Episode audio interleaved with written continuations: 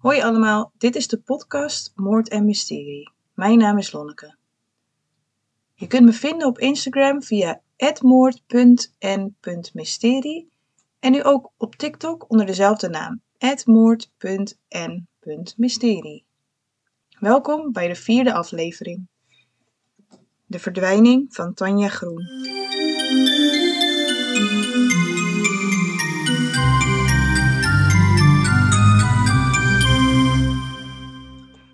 Tanja woonde nog bij haar ouders in Schagen in Noord-Holland. Ze ging gezondheidswetenschappen studeren aan de Universiteit in Maastricht.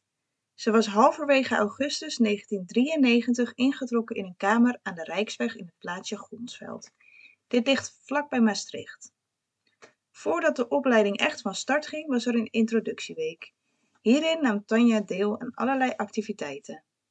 Op 31 augustus 1993 fietste Tanja vanuit Gronsveld naar Maastricht voor een feest van de studentenvereniging.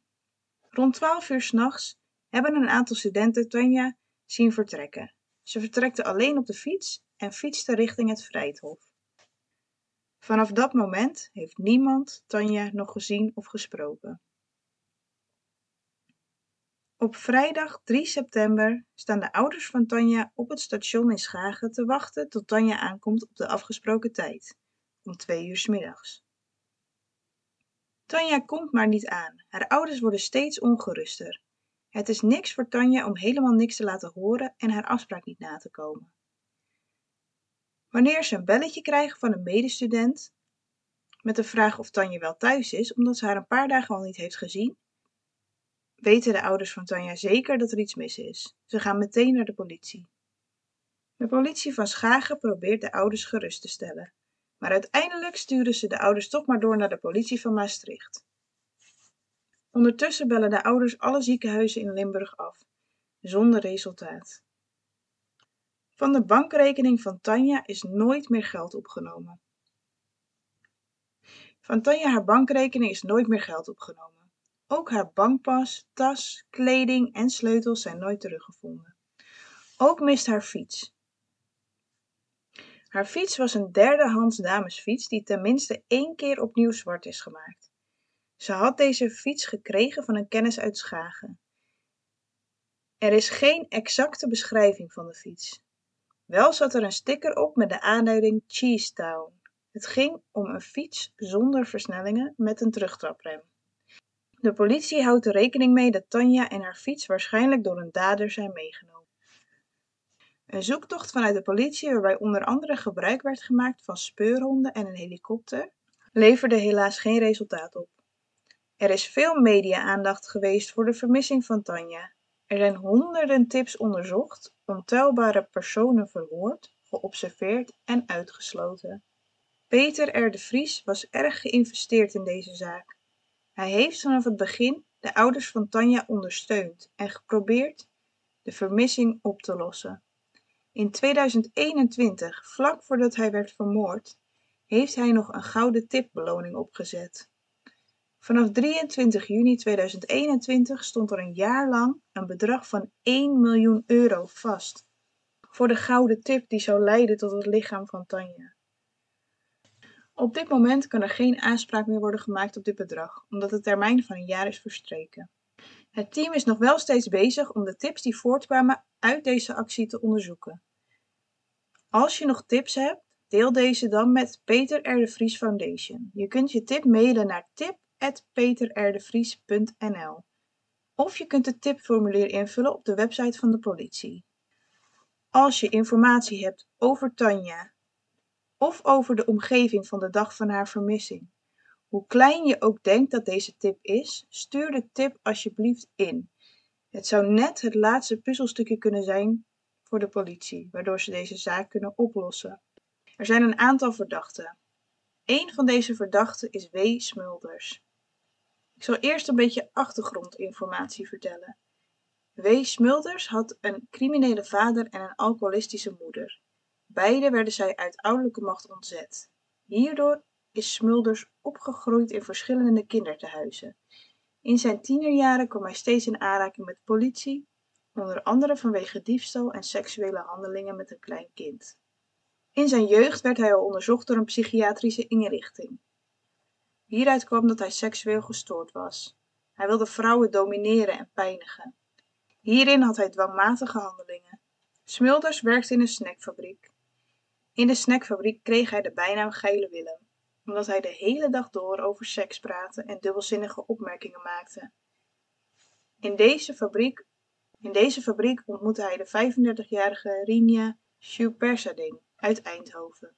Excuses aan iemand als ik haar achternaam verkeerd uitspreek, maar ik kan nergens een opname vinden waarin iemand haar achternaam uitspreekt. Rinja is een moeder van twee kinderen. Op 5 mei 1993 spreekt zij af met Smulders. Na deze afspraak is ze van de aardbodem verdwenen. Smulders wordt na de verdwijning van Rinja twee keer opgepakt, omdat verschillende getuigen hem hebben gezien met Rinja. Maar steeds is er niet genoeg bewijs. En in 1993 vindt een jachthond in de bossen van Veldhoven een ondiep graf, waar een voet uitsteekt. In dit graf blijkt Rinja te liggen. Rinja is door wurging om het leven gebracht. Door het vinden van het lichaam gaat het onderzoek naar moord ineens een stuk sneller. In de auto van Smulders worden de bloedspatten gevonden. Na onderzoek blijkt dit inderdaad het bloed van Rinja te zijn. Ook doet Smulders een gedetailleerde bekentenis aan medegevangenen. Deze, medegevang deze medegevangene vertelt dit door aan de rechtercommissaris. Smulders krijgt hierna zes jaar cel plus tbs. Al eerder is Smulders op de radar geweest bij de politie. Zoals bijvoorbeeld bij de verdwijning van de 23-jarige Annie Groen-Heiligers uit Eindhoven in 1996. Toen Annie verdween uit haar flat, was Smulders diezelfde dag nog bij haar over de vloer geweest als loodgieter. De politie heeft hem in die tijd verhoord, maar hij ontkende alles. En ze hebben hiervoor nooit bewijs kunnen vinden. In februari 1975 verdween de 15-jarige Henny Maas uit Gelderop. Henny liep na een ruzie weg van huis en wilde de nacht doorbrengen in een jeugdhonk. Twee jongens die daar de volgende ochtend gingen kijken, vonden geen Henny. Maar er lag wel een briefje met haar handschrift. Op dit briefje stond dat ze bij Smulders was. Smulders was op dat moment de vader van het beste vriendinnetje van Henny. Smulders verklaarde tegenover de jongens en later ook tegenover de politie helemaal niets van een bezoek van Henny te weten. De 24-jarige Gelly Schellekers uit Eindhoven was een maand lang vermist. Na deze maand werd haar lichaam ontkleed en gewurgd gevonden in de bossen bij Vessen. Smulders kende Gerry.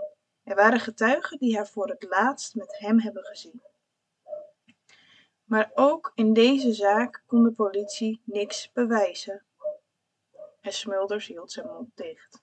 Later werd in de kofferbak van Smulders een afdruk gevonden van een fietsband.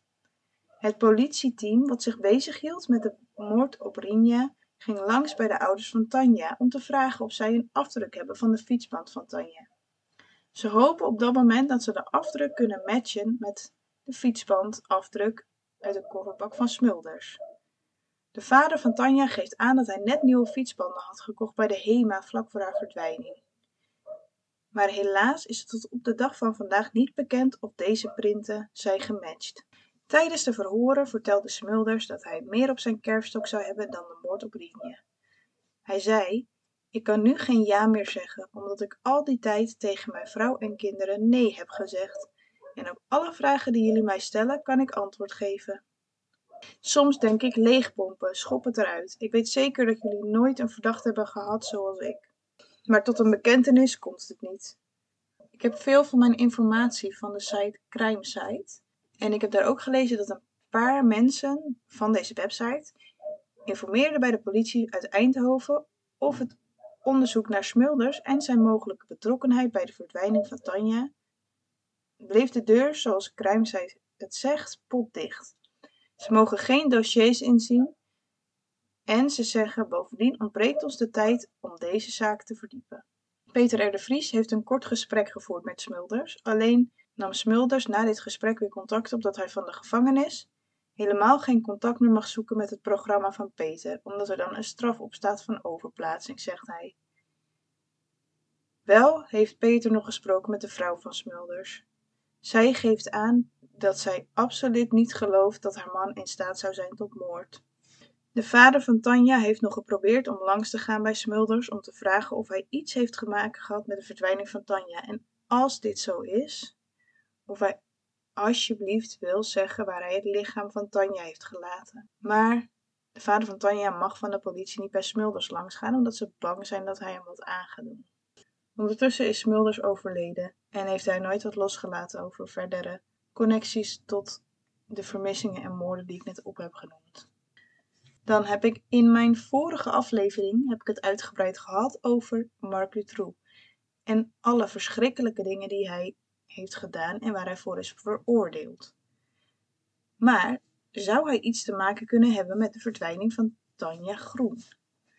De volgende informatie komt uit een artikel van Max vandaag, gepubliceerd op 7 oktober 2022. Er is in België een rechtshulpverzoek ingediend waarin justitie vraagt om het onbekende vrouwelijke DNA dat gevonden blijkt te zijn in de huizen en bestelauto's van Dutroux te vergelijken met dat van Tanja Groen. De resultaten worden zo snel mogelijk verstuurd naar het Openbaar Ministerie in Limburg. Dat laat advocaat-generaal Jean-Baptiste Andries van het parket in Luik weten. Verder zijn hier nog geen updates over. Zodra ik meer weet, laat ik het jullie natuurlijk weten. Zoals we weten heeft Marc Dutroux vaker meisjes met fiets en al in zijn bestelbusje getrokken, dus het zou wel bij zijn werkwijze passen. Alleen zijn van alle meisjes waarvan we weten dat hij ze heeft vermoord, de lichamen gevonden in zijn tuin. Dus waar zou het lichaam van Tanja dan zijn? Kan het zijn dat Dutroux meerdere moorden heeft gepleegd waar we nog niet van afweten? En als het, en als het DNA wat gevonden is in de busjes van Marc Dutroux niet van Tanja is, van wie is het DNA dan wel? En hoeveel verschillend DNA hebben ze gevonden? De vader van Tanja zei: We zeggen niet dat dit een wordt, maar we hopen het wel. Haar ouders leven op dit moment al bijna 30 jaar in wanhoop en onzekerheid. Waar is hun dochter? Waar is Tanja? Aan de ene kant hoop ik natuurlijk niet dat Dutroux er wat mee te maken heeft. Dat zou betekenen dat ze waarschijnlijk verschrikkelijke dingen heeft meegemaakt. Aan de andere kant hoop ik zo voor haar ouders dat er duidelijkheid komt wat er met hun dochter is gebeurd. Het niet weten, dat lijkt me verschrikkelijk erg. Dus nogmaals, als je iets weet over de verdwijning van Tanja, ook al is het maar iets heel kleins, over de dag van de vermissing, over de omgeving op de dag van de vermissing, over Tanja zelf, denk je dat je haar hebt gezien? Heeft iemand zich vreemd gedragen? Gedroeg iemand zich ineens heel anders na de verdwijning van Tanja? Stuur je tip naar tip peterrdevries.nl of vul het tipformulier in op de website van de politie. Ook al denk jij dat het een onbelangrijke tip is, het kan net het missende puzzelstukje zijn. Ik herhaal nog één keer. Als je een tip hebt, stuur het naar tip.peterrdevries.nl of vul het tipformulier in op de website van de politie. Dit was de aflevering alweer voor vandaag. Volg me via Instagram en TikTok voor updates en informatie op moord.nmysterie. Tot volgende aflevering.